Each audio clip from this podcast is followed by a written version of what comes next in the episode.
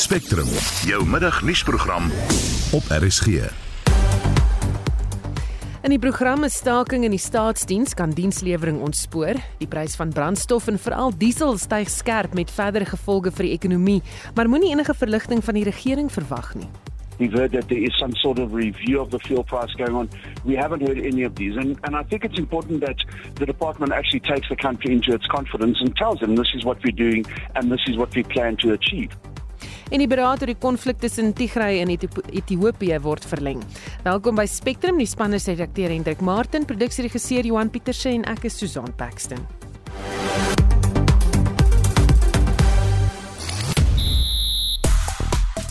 Goeiemiddag. Die Proteas neem beheer oor van hulle groep by die T20 Wêreldbeker na 'n dramatiese oorwinning teen die wêreld se beste T20 span. En sokker klim Chiefs bo Pirates op die punteleer na die naweek se Soweto Derby terwyl Arsenal weer eens die boetoon voer in die Engelse Premier Liga. En Max Verstappen stel 'n nuwe rekord vir die aantal oorwinnings in 'n enkele Formule 1 seisoen op. Meer hieroor bietjie later. Dis Christo Gawie vir RSG Sport. En ek is Marlene Forsie op Twitter word die afgelope naweek se Halloween kostuum steeds iets vreesliks afgewys en miljoene mense praat oor Brasilië se nuwe president Lula da Silva. Sy naam in die woord Brazil is van die gonswoorde daar. Ons het 'n bietjie later in die program meer daaroor so bly ingeskakel en huldeblyke stroom in na die dood van die radio en TV veteraan Jeremy Mansfield. Ons praat oor die prys van diesel wat styg oor môre met 'n eislike R1.43 per liter en eh, die gaping tussen die prys van petrol en diesel met net verder vergroot en ons praat nou-nou hieroor met die ekonoom. Petrol styg met 'n aansienlike kleiner bedrag, net 51 sent per liter, maar dit steeds baie.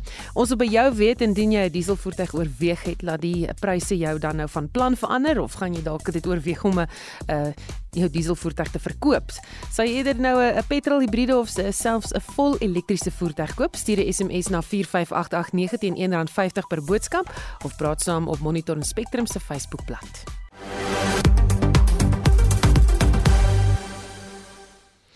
Nou welkom terug by Spectrum is nou 8 minute oor 12 en uh, die Vereniging vir Staatsamptenare of die FSA begin op die 3de November met 'n volskaalse beskermde staking nadat 'n sertifikaat 'n paar dae gelede uitgereik is. Ander vakbonde soos Denosa, Popcrew en Ospersa is vandag by die kommissie vir bemiddeling, versoening en arbitrasie om ook tot is, of die staking toe te tree. Dit kom nadat salarisonderhandelinge wat 'n 3% verhoging behels vasgeval het. Die hoofonderhandelaar van die FSA, Janie Oosthuizen sê slegs ersiende aanbod sal hulle na die onderhandelingstafel terugbring. Ons praat nou met hom. Goeiemôre Jannie. Goeiemôre, môre aan die luisteraars. Hoekom neem lede van die FSA saam met ander vakbonde vandag aan plakkaatoptogte deel? Wel, ons moet dit verstaan in konteks. Uh, ons is hier ter ondersteuning van die ander vakbonde om hulle te wys dat ons is 'n eenheid en waar eenheid is, is mag.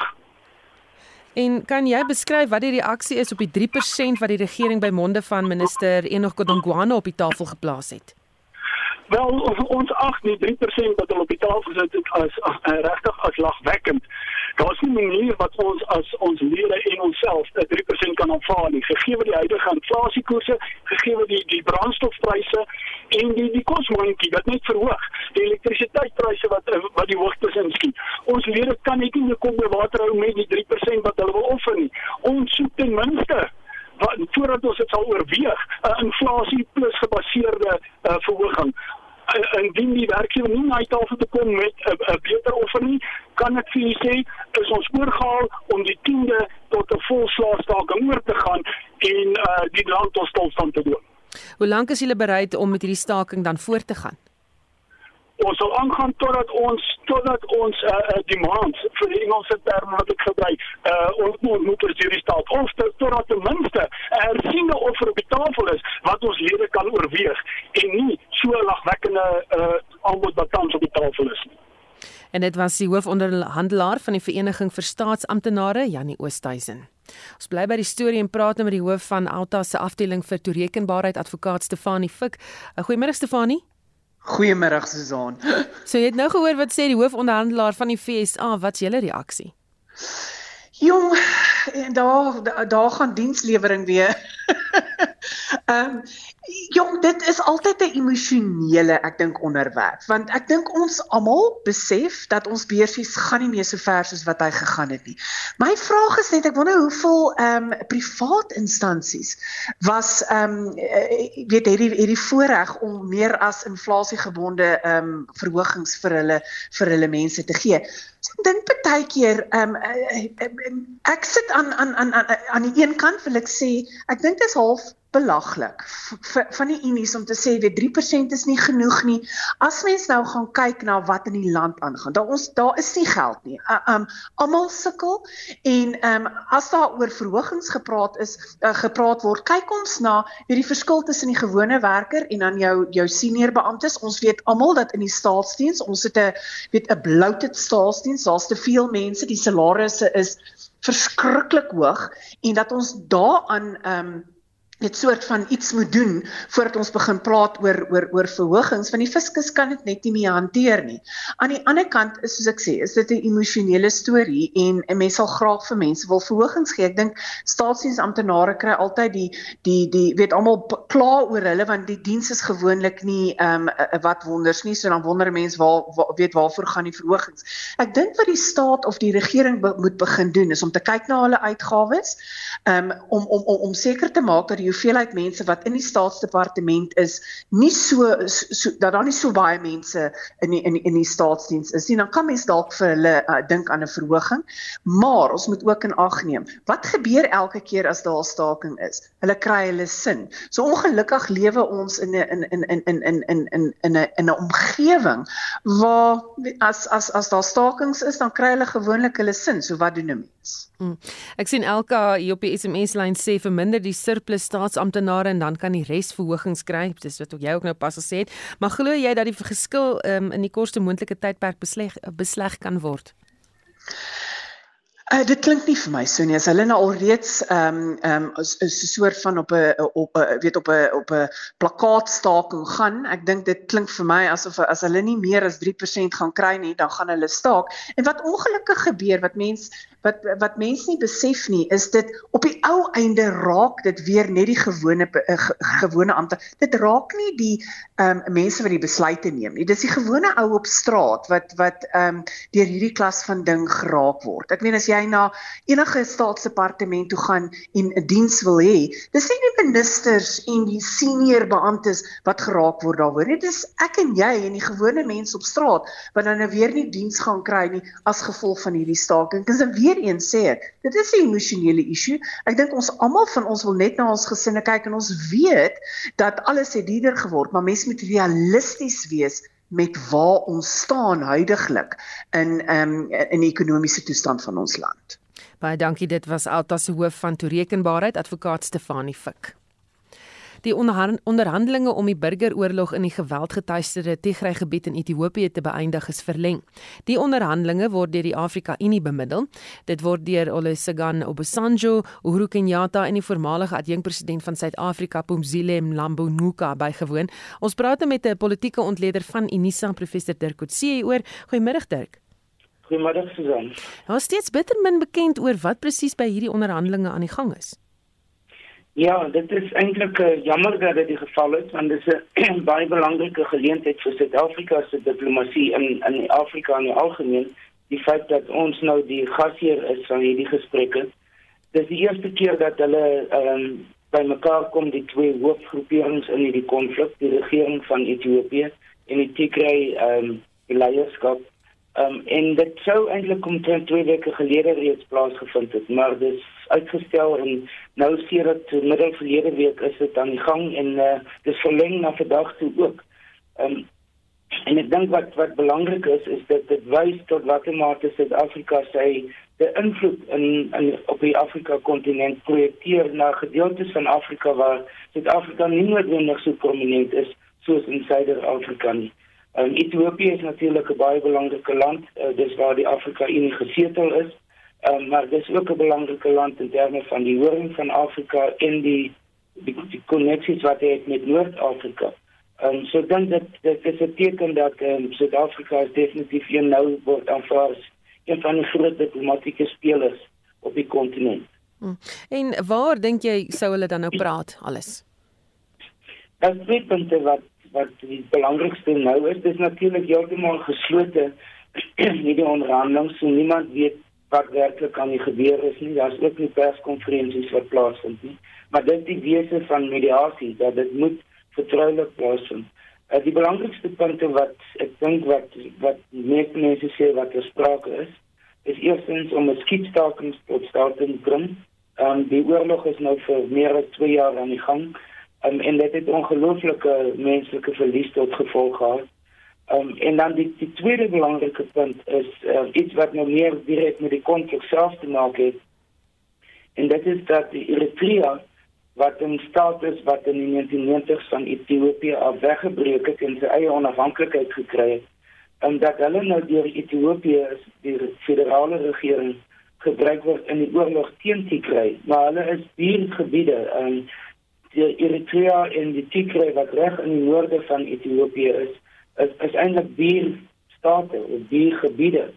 Uh, so dit is 'n uh, dit is 'n baie gekompliseerde saak die feit dat 'n 'n tweede land, 'n buite 'n land van buite eintlik nou 'n groot deel van die van die oorlogswerk van die Ethiopiese magte namens hulle doen. En en dit kompliseer die saak on, oneindig baie. En dit is een van die aspekte wat hulle wil hê dat dit uh onmiddellik aangespreek moet word die die betrokkenheid van Eritrea in die oorlog. Hmm. Hoe belangrik is dit dat Uhuru Kenyatta hier is?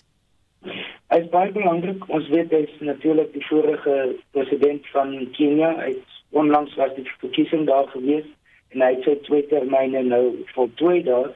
Uh, Kenia is een van die belangrikste lande van van Oos-Afrika. Uh, Ehm die ek moet baie sê dat daar is ook waarnemers, die VN het waarnemers, die Amerikaners het waarnemers en dan 'n groepering wat genoem word IGAD. En dit is die organisasie van die Horing van Afrika en deel van Oos-Afrika. In Kenia is een van die lei waar dit omtrent die leidende land in daardie groepering. En hulle was ook baie betrokke by die onderhandelingsproses in tussen die twee Sudans, tussen die Noordelike Sudan en Suid-Sudan. Ehm um, so dit wys dat uh, Kenia is absoluut deurslaggewend belangrik as dit gaan oor die die sekuriteitssituasie in daardie hele omgewing. En daarom is 'n uh, eh, president of 'n nou voormalige president Kenyatta se teenwoordigheid hier ook so belangrik. En wat van Thabo Mbeki en Cyril Ramaphosa, weet ons of hulle daar is? Op die oomblik is daar nog geen aanduiding dat hulle direk betrokke by dit is nie, maar ek kan my amper nie aandink dat hulle nie ten minste die verskillende partye ontmoet het en dat hulle deur hulle verwelkom is en dat hulle op die kantlyn waarskynlik ook 'n rol speel. Um president Mbeki en president Obasanjo van Nigeria, die vorige president, was en toe hulle presidente was, was dit 'n aksie wat tot stand gekom het op die Afrika kontinent wat besonder sterk was en dit het 'n baie sterk samewerkings um want geskep tussen Suid-Afrika en Nigerië vir alles is by diplomatieke sake gekom. Het. So ek, ek dink dis baie dis hoogs waarskynlik dat president uh, Mbeki gekonsulteer word deur Obasanjo in hierdie proses en waarskynlik op die kantlyn uh betrokke sal wees by die proses. Baie dankie, dit was die politieke ontleder van Unisa professor Dirk Coetzee.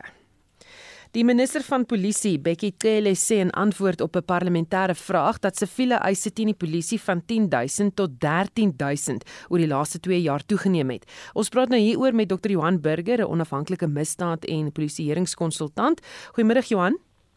Goeiemôre Susan. So wat is die oorsaak van hierdie eise? Ehm um, ek ek dink verreweg die meeste daarvan het te doen met uh onregmatige arrestasies en aanhouding. Ehm um, ek het vanaand gaan kyk en ek sien in in 20 2021 was dit 93% van die siviele eise en ehm um, in die nuutste jaarverslag vir die 2021-22 jaar was dit 96%. So uh verreweg die meeste van hierdie siviele eise het daarmee te doen. En wat is die oplossing? Ja, dit is nou nog 'n vraag. Uh, jy weet ek moet nou eers sê die die oplossing gaan dieper. Ek sien die minister het in sy antwoord in die parlement aangedui dat daar uh, een of ander uh, uh, nasionale komitee gestig is om hierdie siviele siviele eise afwaarts te bestuur en hulle het 'n aksieplan opgestel wat met kyk na 'n klomp goed soos opleiding uh en so meer. Maar al hierdie goed kan dalk help. Maar ek dink die die ehm um, werklike dieper liggende probleem is die bevel en beheer in die polisie ehm um, wat grootliks in duie gestort het. Jy weet uh, bevelvoerders aanvaar nie meer verantwoordelikheid nie en oefen nie meer beheer uit oor uh mense onder hul beheer nie. Ehm um, met die gevolg is uh jy weet lede uh doen al hierdie klas van goed, jy weet onwettige arrestasies, aanhouding, aanrandings wat 'n baie baie groot probleem is as jy kyk na Oopot se syfers. En uh dit lyk nie asof daar 'n vreeslik interne aanspreeklikheid is nie. Uh die die die die waarheid is dat die uh vorige kommissaris van polisie in die begin van die jaar in die parlement erken het dat die dissiplinêre prosesse van die polisie grootliks in duie gestort het. Uh, jy weet as jy as jy gaan kyk na die afgelope dekade het die aantal dissiplinêre verhore uh, met met 75% afgeneem. So mense word intern nie juis aanspreeklik gehou nie en daarteenoor het siviele eise oor dieselfde tydperk met 343% gestyg. So so om al hierdie goed te doen, opleiding en so aan is belangrik. Dit is goed. Maar ek dink ons met die interne bevel en beheerstrukture moet uh, reggemaak word en dit is 'n gesprek vir 'n ander dag. Hmm. Nou volgens Tele se antwoord beloop die eise so wat 67 miljard rand. Dit is dis baie geld. Uh, Watter verskil sou dit aan polisieering in die land kon gemaak het as dit aangewend word vir polisieering? Ja, ons moet net onderskei tref daar. Jy weet, hierdie bedrag is uh is baie baie hoër as wat die polisie uiteindelik uitbetaal.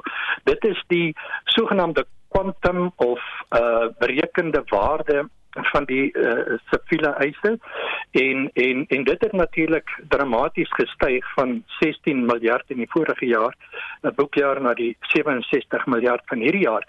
Maar jy kan nie regtig iets met daardie syfer doen nie.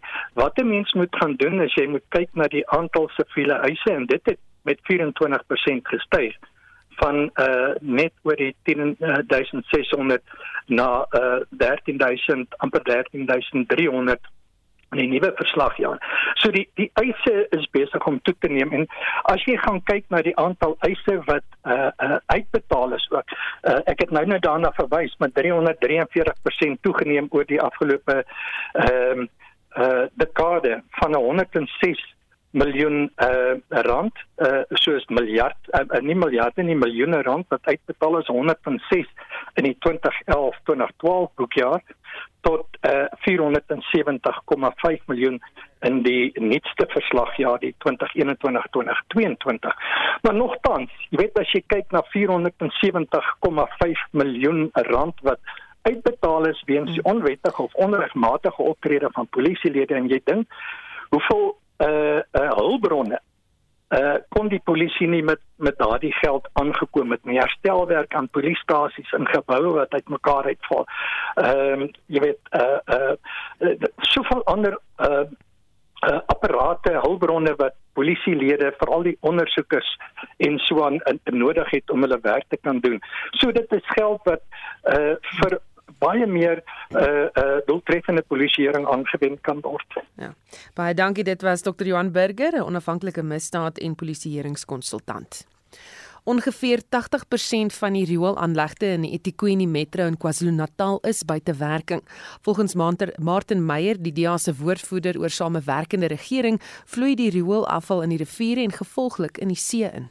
Ons is 'n metro van oor die 3.6 miljoen mense. 3.6 miljoen mense as hulle toilette spoel. Daai wat in die toilet afgaan, dit gaan reg teen ons rioolwerke wat nie werk nie in die riviere in. Groot deel van die pypstelsels is dan ook nou nog beskadig wat die situasie veel veel veel erger maak. Ons het verskriklik baie riviere hier. Elke liewe rivier in die eThekwini metro is on erge besoedeling stadiums, soveel so dat dit kritiek is waar jy bo 400 E. coli telling per 100 ml water kan hê. Is gevaarlik. Is van die riviere soos die Palmiet wat oor die 6 miljoen E. coli per 100 ml het. Daai riviere vloei dan nou reguit in die oseaan in. Dis hoekom meeste van ons strande is toe. Ek sien die stad het nou onlangs weer so 4 of 5 strande oopgemaak, maar ons moet daai strande gaan weer binnekort toegemaak word. Die strate as die townships gaan in die middestad en gaan oral vloei riool uit die pype uit in die strate af. Die hele stad stink. Dis werklik waar 'n ongelooflike krisis. Visse net dood op ons strande en in die riviere.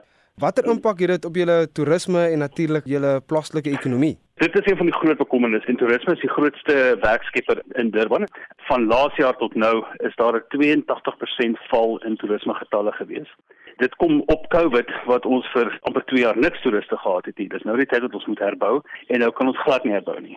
Alhoewel ons graag wil hê toerisme moet kom ons en die inkomste nodig, kan ek verstaan dat mense kom hiernatoe vir die strande as die strande toe is en die dorpe en die stad ryk na riool, dan gaan mense nie wil vakansie hou nie. Baie van die gastehuiseienaars sê hulle staan omtrent op 0% boekings vir die Desember tydperk en dit is 'n ongelooflike krisis. Dit beteken plekke gaan toemaak en dit beteken ons alreeds massiewe werkloosheidskrisis gaan net nog baie baie baie erger word. Riool bring natuurlik ook gesondheidsrisiko's. Watter hmm. impak het dit op julle gesondheidstelsel in die provinsie? Ons sukkel nog om antwoorde uit die departement van gesondheid in die provinsie te kry. Sover lyk dit dan nog gelukkig vir ons of ons drinkwater is skoon. Die DA en met van die plaaslike organisasies hier en met ook toetse gedoen en die drinkwater is daar nog veilig. So 'n maand of twee terug was daar een persoon wat oorlede is wat besoedelde water gedrink het, maar daai situasie is nou onder beheer gekry. Die probleem is in 'n stad soos Durban met ons groot armoede, baie mense het was in die riviere, hulle was hulle klere in die riviere, hulle drink water reg uit die riviere uit. Almal in Durban gaan vir jou kan vertel dat hulle self of iemand in hulle huishouding het maar op 'n stadium bietjie met 'n loopmagie gesit of dit van amper gewoon daaraan en dit vermoed ek ons maar is verbind aan hierdie hoël wat nou ons loop. Wat is die plaaslike regering se oplossings? Die kort antwoord is niks. Die lang antwoord is kyk dit is 'n geldelike probleem. Met groot gejuig het ons president na die vloede 'n biljoen rand aangekondig wat gaan kom. Maar 'n biljoen rand het nooit gekom nie. En na vele vele navrae is daar vir ons gesê biljoen rand het eintlik nooit regtig bestaan nie. Dit beteken die provinsie en die stad van eThekwini moet hulle begroting reproduseer geld wegneem van ander projekte af wat moet gebeur. Die begroting is al klaar so klein na al die ekonomiese probleme. Redelik ondanks het Etiquette in die provinsie aangekondig hulle gaan so 128 miljoen rand beskikbaar stel vir die hulpwerke. Weereens ons sit met 'n probleem wat etlike biljoene of triljoene rande is. Dis hoekom die DA gevra dat die provinsiale regering moet hier 'n uh, seksie 139 direkte beheer oor die water en sanitasie in Etiquette oorneem sodat ons sekere krisisbefonding kan gebruik. Ongelukkig het die ANC daarteen gestem problems. Die ander probleem is politieke onstabiliteit. Etiquette word deur 'n koalisie regeer, 'n ANC koalisie met 'n klomp kleiner partye. Die persoon wat polities verantwoordelik is vir water en sanitasie is die adjunk burgemeester, Mabundla, en hy is 'n klein partytjie, hulle twee setels, die ABC party. Die situasie met die water in die riool in die stad het nou 'n politieke speelbal tussen die adjunk burgemeester en die burgemeester geword. En dit is die 3.6 miljoen mense van Etiquette wat onderlei ongelukkig. Lyk ook nie of daar politieke wil is nie. Ons het hierdie dinge in 'n debat in die wetgewer opgebring en daarsou het die ANC net vir my is my voorvaders se skuld en die kapitaliste se skuld. So duidelik het hulle nie reg enige belang om hierdie probleem werklik waar op te los nie. Dit was Martin Meyer, hy is die DEA se woordvoerder oor samewerkende regering in KwaZulu-Natal en hy het met Vincent Mofokeng gepraat. 'n Lid van die pas aangestelde nuwe direksie van Eskom, Mteto Nyati sê as hulle Eskom wil regryk, sal daar weggedoen moet word met die bemagtigingsreëls. Die DA het in reaksie hierop gesê hoewel hulle glo Nyati is reg, die uitsprake op groot konflik gaan uitloop. Nyati het ook voorgesê dat Eskom se verkrygingsreëls ook nie so goed is as wat dit behoort te wees nie en ook die kragrees kniehalter. Die EFF het op sy beurt gereageer en gesê Nyati weet nie waarvan hy praat nie. Ons praat met professor Erwin Schwella van wat by die Huguenot College skool vir innovasie is. Goeiemôre Erwin. Middag uh, en middag aan die luisteraars. Op die oomblik in Lockston besig met 'n werkswinkel oor plaaslike ekonomiese bemagtiging. Lekker. Nou die deel interpreteer Njati se uitsprake dat die ANC se beleid oor kaderontplooiing en regstellende aksies op die ASO behoort, is dit die regte interpretasie?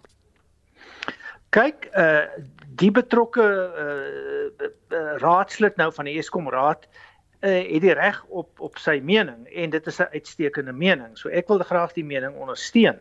Ehm um, of dit uiteindelik die druk van polities geïnspireerde ideologies gedrewe idees uh gaan gaan ehm um, weerstaan uh is nou ook nog 'n ander saak. Uh dis baie duidelik dat ons moet wegbeweeg van die idees dat dat ideologie en populisme en onprofessionalisme ons staatsondernemings en ook ons staatsdiens moet bedryf. Nou dis interessant om te sien daar is 'n kentering. Ehm um, ons sien nou die professionalisering van die staatsdiens wat die plaaslike regeringssfeer insluit en nou ook uh, provinsiale en munisipale sfere. By die by die by die staatsondernemings is dit ook nou nog so dat die die hele idee is dat daar moet op nuwe wyse direksies aangestel word. En as hulle meer onafhanklik raak, mag dit help.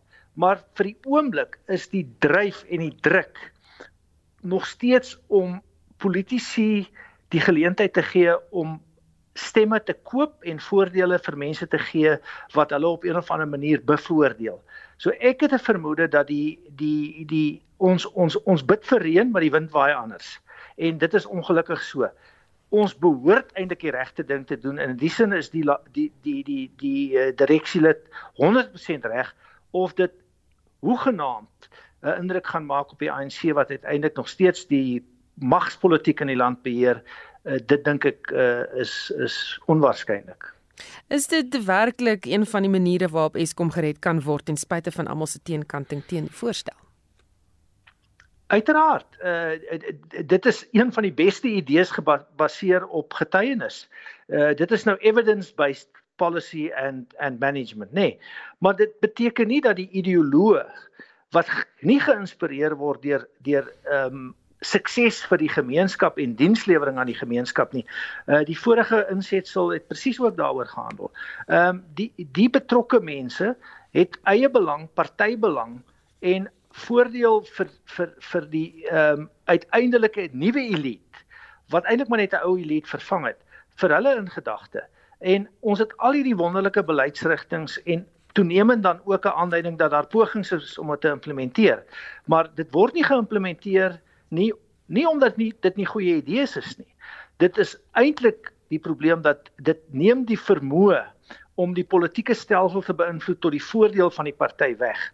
En dit is dood in die pot. Dit dit dit gebeur net nie. Daar's nie politieke wil om dit te doen nie. Baie dankie. Dit was professor Erwin Schwela van die Genote College Skool vir Innovasie. Jy luister na Spectrum.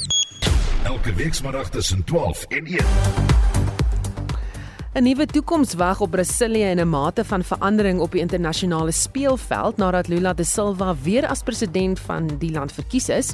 En president Cyril Ramaphosa stel Imtiaz Faisal amptelik as die inspekteur-generaal van inligting vir 'n tydperk van 5 jaar aan. Bly ingeskakel.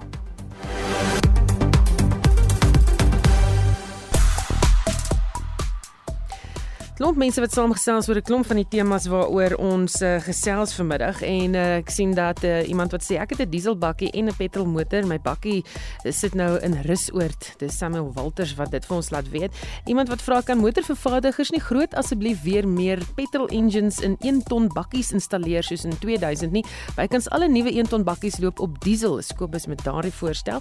En nog 'n luisteraar wat sê dat um, dis nou Rina sy praat nou nie oor die diesel en die die uh, prys wat nou gaan verhoog nie. Sy sê onderwysers trek altyd aan die kortste end. Dit is hoogtyd dat hulle bietjie staak.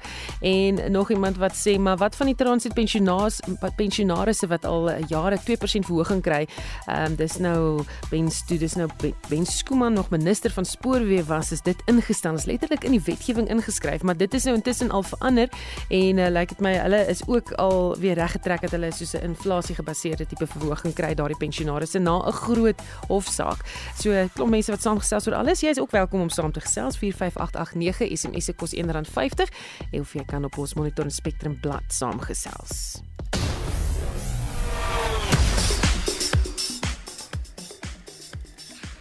Dis gaan weer die jongste sportnuus. Goeiemiddag. Suid-Afrika is bo aan die punteleer in groep 2 by die T20 Wêreldbeker in Australië. Die Proteas het Indië gister met 5 paaltjies geklop danksy goeie bouwerk deur veral Lunging, Gidi en Wayne Parnell, asook 'n skitter kolvennootskap deur Aiden Makram en David Miller. Indië is tweede in die groep In die kragmeting tussen Bangladesh en Zimbabwe het Bangladesh gekies om eerste te kolf en het 150 vir 7 in hulle 20 toegelate bilbeerte aangeteken. Toe hulle Zimbabwe met 3 lopies klop wat slegs 147 vir 8 kon aanteken. Pakistan het Nederland met 6 paaltjies geklop nadat Nederland gekies het om eerste te kolf en slegs 91 vir 9 kon aanteken. Pakistan het toe 95 vir 4 aangeteken in minder as 14 bilbeerte. Vandag is Australië en Ierland teen mekaar in aksie, terwyl Afghanistan en Sri Lanka mekaar môreoggend pak, asook Nieu-Seeland en Engeland wat mekaar om 10 voormiddag môreoggend die stryd aansê. In sokker het Yusuf Marte opspraakwekkende langafstand doel aangeteken om Kaizer Chiefs se 1-0 oorwinning oor die Soweto Derby teenstanders Orlando Pirates te gee in 'n DStv Premierskapskragmeting Saterdagmiddag in die FNB Stadion. Pirates sal nou op die 5de November in aksie wees wanneer hulle AmaZulu in die MTN 8 eindstryd aandurf terwyl Chiefs se volgende wedstryd teen die Buccaneers in die Carling Black Label beker op Saterdag 12 November sal wees. In die Engelse Premier Liga was Reece Nelson die onwaarskynlike jaal toe Arsenal gister die eerste plek in die Premier Liga verower het met 'n 5-0 sege oor Nottingham. Nelson het vroeg in die tweede helfte sy eerste Premier Liga doel sedert Julie 2020 aangeteken om Arsenal gemaklik te laat asemhaal. Arsenal is heel bo aan die punteleer met 31 punte, gevolg deur Manchester City tweede met 29 punte en Tottenham is in die derde plek met 26 punte. En Red Bull se Max Verstappen het 'n rekord 14de oorwinning van die F1 seisoen behaal toe hy gisteraand die Meksikaanse Grand Prix gewen het. Die wêreldkampioen Verstappen het in 'n gemaklike 15,18 sekondes oor die wenstreep gejaag net voor Mercedes se Lewis Hamilton tweede terwyl Verstappen se spanmaat Sergio Perez derde klaargemaak het. Verstappen het nou die rekord deur Michael Schumacher en Sebastian Vettel vir die meeste oorwinnings verbeter. En dit was Christo Gawie. Die tweede presidentsberaad oor geslagsgeweld en die moord op vroue vind van môre af in Johannesburg plaas. Die eerste beraad is in 2018 gehou en toe is 'n verklaring deur die beraad opgestel. In 2019 is geslagsgeweld en die moord op vroue tot nasionale krisis verklaar en in 2020 is die nasionale strategiese plan in die verband opgestel. Maar waar staan ons nou? En vir meer hieroor praat ons met professor Amanda Gous aan die Universiteit Stellenbosch Departement Politieke Wetenskap. Goeiemiddag Amanda. Goeiemiddag. So waar staan sake nou wat die plan en die implementering daarvan betref?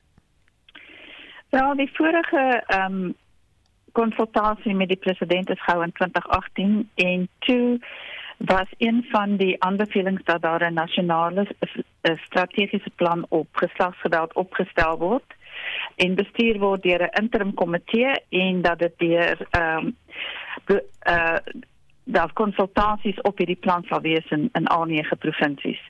Nou dit het alles gebeur, die plan is opgestel en dit is goedgekeur en die plan moet nou geïmplementeer word. En ek dink dit is die probleem waarvoor ons nou te staan kom is dat dit moet inter wat genoem word intersektoraal geïmplementeer word. Dit beteken die regering is betrokke maar burgerlike organisasies uh nie regeringsorganisasies en gemeenskappe moet ook verantwoordelikheid neem vir sekere aspekte van die implementering van die plan en ek dink dit dit maak dit baie moeilik. Ehm um, as ek kyk na wat die afgelope tyd gesê het oor die implementering dan is dit dat dit op uh, 'n slakke pas gebeur. Hmm. Skokkende verhale is by die eerste beraad wat deur die president bygewoon is gedeel. Dink jy dis waar dit gaan bly of word daar daadwerklike stappe geneem om die probleem op te los? Ja, die statistiek vir uh, vir seksuele geweld en bekragting het nie afgekom nie en tydens uh die die ehm um, inperkingstyd het dit opgegaan. Ons sien nog steeds ehm um, elke week uh, ten minste een of ander storie van 'n vrou wat deur 'n intieme um, partner doodgemaak is. Uh en ons het nou gesien uh laas week aan die einde van die week dat die die um beskuldigdes in die kwessie van die Kreeusdorp uh verkrachtings die die 14 van hulle is almal uh vrygelaat omdat die DNA bewyse wys dat dit nie hulle is wat skuldig was aan hierdie verkrachtings nie.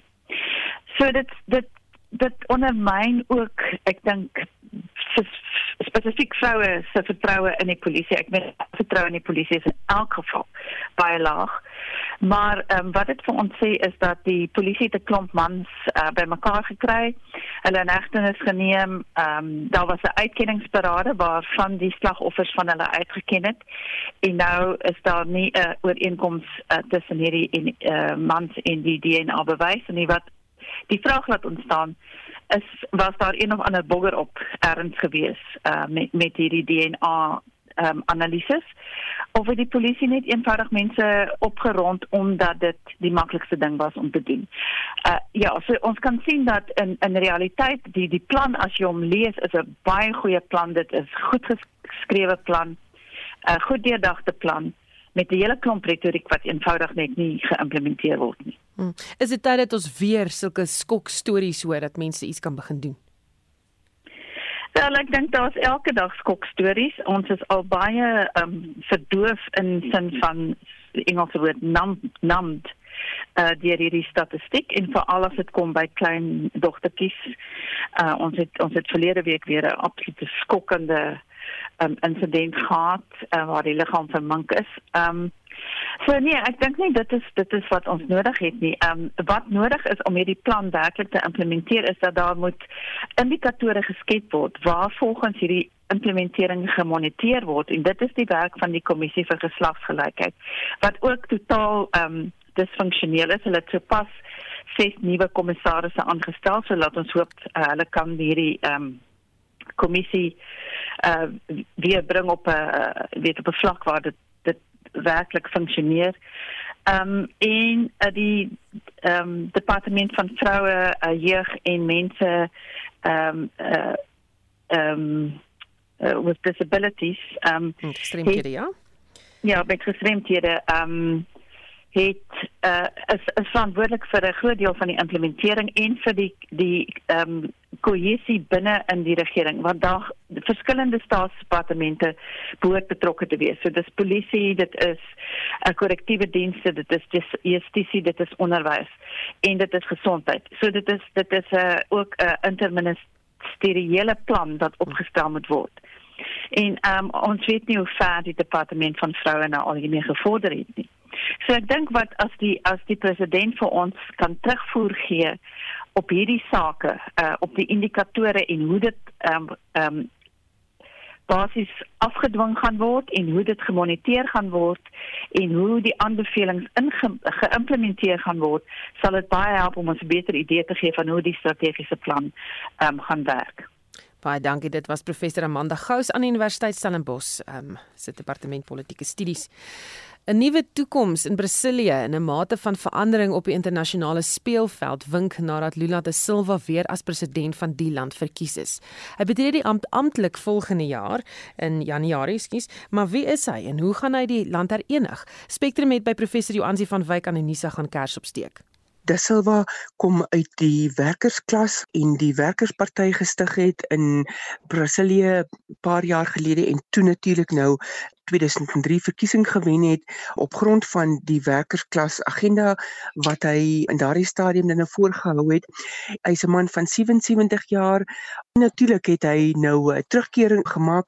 Ons weet dan nou dat Brasil die afgelope 4-5 jaar onder Jair Bolsonaro baie regs beweeg het, baie konservatief beweeg het en dit het natuurlik baie meer armoede in veral Brasil tot gevolg gehad spite daarvan dat die ekonomie baie goed gegroei het. Daar's ook groot opwinding vir De Silva se passie om die ontbossing van die Amazone stop te sit wat in die Amazone gebeur het 'n impak op klimaat, het 'n impak op siektes op die plaaslike bevolking daar. Daar selfs vrae rondom nuwe zoonotiese siektes wat kan uitbreek as gevolg van die gebrek aan bebossing daar. Wat ons wel weet is dat onder Bolsonaro die ekonomie gegroei het, maar dit was hulpbron gebaseerde groei wat daar opgebou was dat die Amazone baie ontbos is omdat dit baie ryk in minerale rykdom is en dit het ook natuurlik baie sleg ingewerk op georganiseerde misdaad want baie van die misdaad syndikaate het dan ook onwettige mynbouaktiwiteite ondersteun. Volgens haar beoog hy om met ander sogenaamde reënwoudstate bande te smee. Hy het spesifiek na die Demokratiese Republiek van die Kongo in Afrika verwys en dan ook Indonesië en daar is volgens mense naby aan sy veldtogspan 'n moontlikheid dat daar volgende jaar 'n baie groot konferensie oor die Amazone gehou gaan word om dan die ontbossing en die ander gevare wat daarmee saamloop te arresteer. En so gepraat van Afrika, gedurende sy vorige bewind het Lula baie groot Afrika beleid gehad en baie belê in Afrika.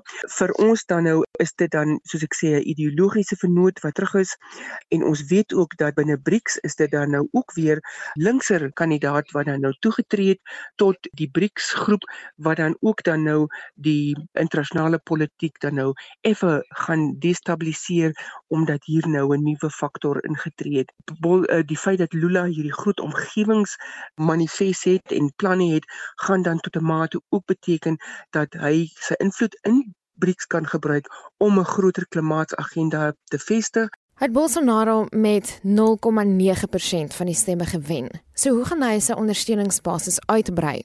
Eerste plek sal hy moet op 'n meer ideologiese en 'n sosiale front probeer om die groot klowing wat in Brasiliaanse gemeenskappe bestaan bymekaar te bring. Dan het hy reeds in sy verkiesingsmanifest 'n melding gemaak dat hy 'n toelaag vir armer huishoudings gaan toegee. Hy het ook aangekondig dat hy infrastruktuurontwikkeling gaan stimuleer. Tot 'n groot mate lyk dit asof hy op sy maatskaplike en welvaartsprogram van sy vorige termyn wil bou maar hy staan nog steeds voor die feit dat die Brasiliaanse ekonomie groei nie goed genoeg om aan al hierdie welvaartsvereistes te voldoen nie. Ons sien ook dat Brasil wat nou 'n meer linkse president het, is dan nou tekenend van die veranderinge wat besig is om ook in Latyns-Amerika plaas te vind om dan ook onder andere hierdie groot ongelykhede en armoede in hulle streek aan te spreek. Dit was professor Joansi van Wyk, 'n politieke ontleder aan Unisa. Marlene Forsie is hy kanies.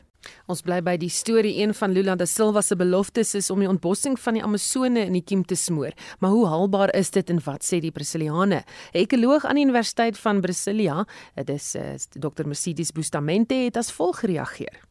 This first speech was quite important. He committed to get zero deforestation, to curb illegal activities in the Amazon region, and also to protect the rights of indigenous peoples and traditional communities. These are quite huge challenges, especially because now we have a parliament that is much more conservative was when Lula was president before. Sy sê tog dat sy verkiesing weer 'n mate van hoop laat opvlam. We have hope that the executive branch now have more power and we can get more enforcement of the environmental law in the region so that we can get the control of the deforestation back. Dis egter nie die eerste keer dat De Silva president van die land is nie en in sy termyn tussen 2023 en 2010 kon hy nie daarin slaag om ontbossing stop te sit nie. Sy antwoord die slag is samewerking op internasionale vlak. Just to know more what to do in terms of the control deforestation, but also how to use Amazon biodiversity to build a new bioeconomy for Brazil. So we can replace these predatory activities for a new economy for the Amazon region. I think this is a quite important step. In the first terms of President Lula, deforestation rates goes down to 80 percent but this was mainly due to the law enforcement. We could not replace the traditional economic activities in the region a new economy based on biodiversity. I think this is now the step that we must take. Bustamante meen die internasionale gemeenskap is slaggereed om die Amazone, ook bekend as die aarde se longe, red. The Amazon region is recognized as one of the tipping point elements of the climate system. So the whole globe is dependent on the conservation of the Amazon region. So I think that we can get a lot of international support to improve the situation of the people there and restore the confidence that Brazil is able to protect the Amazon. Dit was Dr. Mercedes Bustamante, 'n ekoloog aan die Universiteit van Brasilia. Marlene Forsie, SAK nuus. Die sankenies word aangebied deur Dion Goosen, portefeuljebestuurder by Netbank Korporatiewe Beleggings. Goeiemiddag Dion. Middag en goeiemôre aan die luisteraars. Die Amerikaanse markte het verlede week sterk geëindig met die Dow Jones wat 2,6% hoër sluit, die S&P 500 wat 2,4% hoër sluit en die Nasdaq wat met 2,9% hoër sluit. As ons kyk na wat vanoggend in Asië gebeur het, Hong Kong Hang Seng het verswak met 1,2%. Die Japannese Nikkei is op met 1,8% en die Australiese ASX 200 is ook hoër met 1,1%. In Europa op die oomblik is die Britse FTSE 0,1% hoër, die Franse CAC 40 0,1% laer en die Duitse DAX 0,1% hoër. Plaaslik verander verhandel die algehele indeks hoër met 0.4% teen 66652 punte. Die finansiële indeks is egter laer met 0.7%. Nywerheid indeks versterk met 1.5%. Veral Naspers en Pulse wat wat tamelik sterk op is beide van hulle meer as 5% vandag. Die Gold indeks is egter laer met 0.4%. As ons kyk na kommoditeitspryse, goud verswak met 0.4% en verhandel teen 1638 dollar per fyn ons. Platinum is laer met 1.7% en verhandel teen 931 dollar per fyn ons. En Brent olie is laer met 1.2% en verhandel teen 94 dollar 58 sent per vat. Dan die wisselkoerse, dollar gaan vir jou R18.34 kos, 'n pond R21.16 en die euro 18.21. Rentekoerse die R2030 verswak se ietwat en verhandel teen 10.72% uh die oomblik. Van die belangrike ekonomiese data is voertuigverkope vir Oktober wat môre bekend gemaak word. Ons bekend gemaak word verwagtinge is vir 'n stygings na 49000 en dan ook die Amerikaanse rentekoersverhogings Woensdag markte verwag 'n 0.75% verhoging, maar wat wel belangrik is, is die boodskap van die van die federale bank oor hulle inflasieverwagtinge en of rentekoerse steeds aggressief verhoog gaan word. Dankie, dit is aan die einde van die sake nuus. En dit was Dion Goosen, portefeuljebestuurder by Netbank Korporatiewe Beleggings. Die Automobielassosiasie, die AA, is bekommerd oor verdere brandstofprysverhogings. Die organisasie sê Suid-Afrika is aan internasionale faktore uitgelewer en ons praat nou met die woordvoerder van die AA, Luiten Beerd. Goeiemôre, Luiten. Goeiemôre Susan, goed om by jou te wees. Wat is die vernaamste redes vir die groot stygings en dalings wat ons die afgelope maande gesien het? Wel volgens die departement van minerale en energie sake is die groot rede hiervoor uh internasionale brandstofpryse, internasionale rou uh oliepryse en dit het daartoe gelei dat ons hierdie veral groot verhoging sien in die prys van diesel. Um die prys van uh van petrol gaan styg met so 51 sent, maar ongelukkig gaan die prys van diesel styg met so om en by R1.43. En dit is 'n groot stygings in daai brandstofpryse en ons weet veral veral in die geval van diesel as um, as daai prys so groot verhoog, dan gaan dit 'n groot impak op alle verbruikers hê. So ons is nogal bekommerd oor daai verhoging. Um natuurlik word ons altyd gevra gaan dit uh, volhou wees in die in die komende maande. Wel, jy weet soos jy nou net gehoor het, ons sal moet wag en sien wat gebeur op 'n daaglikse basis. Maar vir nou, die feit dat daai daai brandstofprys diesel so groot verhoog, um is natuurlik baie kommerwekkend. Die regering uh, kon voorheen optree om 'n mate van verligting vir motoriste te gee, maar dit gaan nie weer gebeur nie. Ja, weet jy, um, ek dink ons twyfel dat dit weer gaan gebeur. Die regering het ehm um, so so 'n paar uh, rand afgeneem van die algemene brandstof uh, heffing. Ehm um, en en en en dit het so 'n bietjie verligting gebring. Ehm um, die probleem wat die rege die regering nou natuurlik het is as hulle dit weer doen, sal hulle 'n plek moet vind waar hulle daai daai daai tekort kan opmaak en hulle het al reeds aangedui dat hulle dit nie kan doen nie. So ehm um, dit is dit, dit is uh, it's it's really unre not unreasonable but it's unlikely dat dit weer gaan gebeur en ongelukkig is die pryse wat ons nou gaan deurkry en die verhogings wat ons nou gaan deurkry gaan dit die verbruikers se probleem weer wees. Baie dankie dit was Luiten Beer die woordvoerder van die AA. Annelien sluit by ons aan met nuus wat pas gebreek het. Die beleerde burgemeester van Johannesburg, Dr. Mpopelatse, het 'n uh, media-konferensie oor dienslewering gehou. Ja, Pelatse het glad nie opgetree soos iemand wat deur nog 'n emosie van wantroue in die gesig gestaar word nie. Sy het inwoners onder meer verseker dat dienslewering voortgaan. My fellow residents, Not only have you had to contend with the worst year of load shedding since the first scheduled blackouts in 2007, but you've also been forced to live with an unstable supply of water. This is not the Johannesburg we want our children to grow up in. The Democratic Alliance will not allow it. Last week's court judgment that confirmed the ANC illegally removed me as the executive mayor was indeed a win for democracy. The DA never gave up the fight. Die Vereniging vir Staatsamptenare of die FSA is vandag besig om ander vakbonde te ondersteun na die regering 'n verhoging van slegs 3% aangebied het. Die FSA sal indien daar nie op 3 November 'n hersiende aanbod is nie met 'n volskaalse staking begin. Kom ons luister na die FSA se hoofonderhandelaar Jannie Oosthuizen ons ag nie 3% wat hulle op die tafel gesit het as uh, regtig as lagwekkend. Daar's nie 'n manier wat ons as ons lede en onsself dat 3% kan aanvaar nie. Gegee die huidige inflasiekoerse, gegee die brandstofpryse en die die kosmandjie wat net verhoog, die elektrisiteitspryse wat die hoogtes inskiet. Ons lede kan net nie kom by water hou met die 3% wat hulle wil offer nie. Ons soek ten minste voordat ons dit sal oorweeg 'n inflasie plus gebaseerde verhoging. Stefanie Fik van die organisasie teen belastingmisbruik Alta sê die sê die eise is onrealisties en dat dit 'n emosiebelaide onderwerp is. As mens nou gaan kyk na wat in die land aangaan, daar is nie geld nie.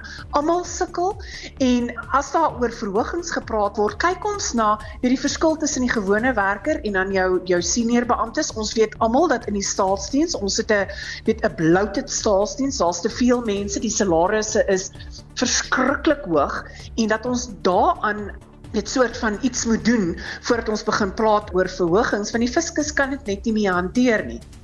In antwoord op 'n parlementêre vraag het die minister van polisie, Bekkie Cele, gesê siviele eise teen die polisie het van 10000 tot 13000 toegeneem oor die laaste 2 jaar. Ons het Dr. Johan Burger, 'n onafhanklike misdaad- en polisieeringskonsultant hieroor gevra. As jy gaan kyk na die afgelope dekade, het die aantal dissiplinêre verhore met 75% afgeneem. So mense word intern nie juis aanspreeklik gehou nie en daarteenoor het siviele eise oor dieselfde tydperk met 343% gestyg.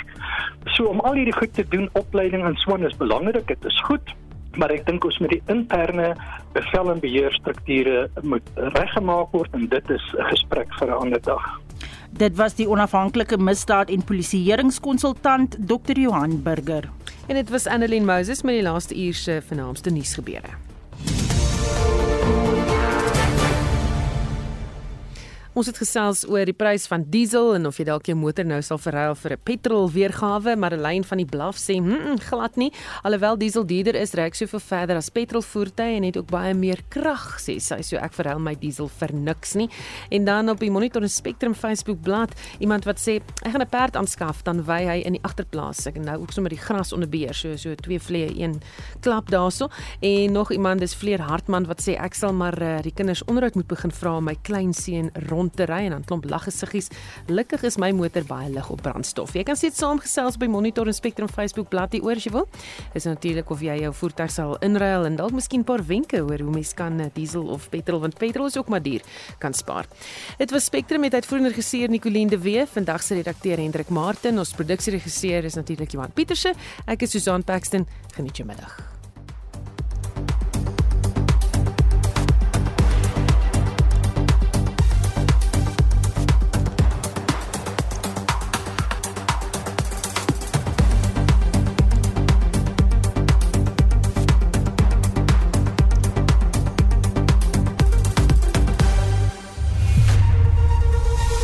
SAK nuus. Onafhanklik, onpartydig.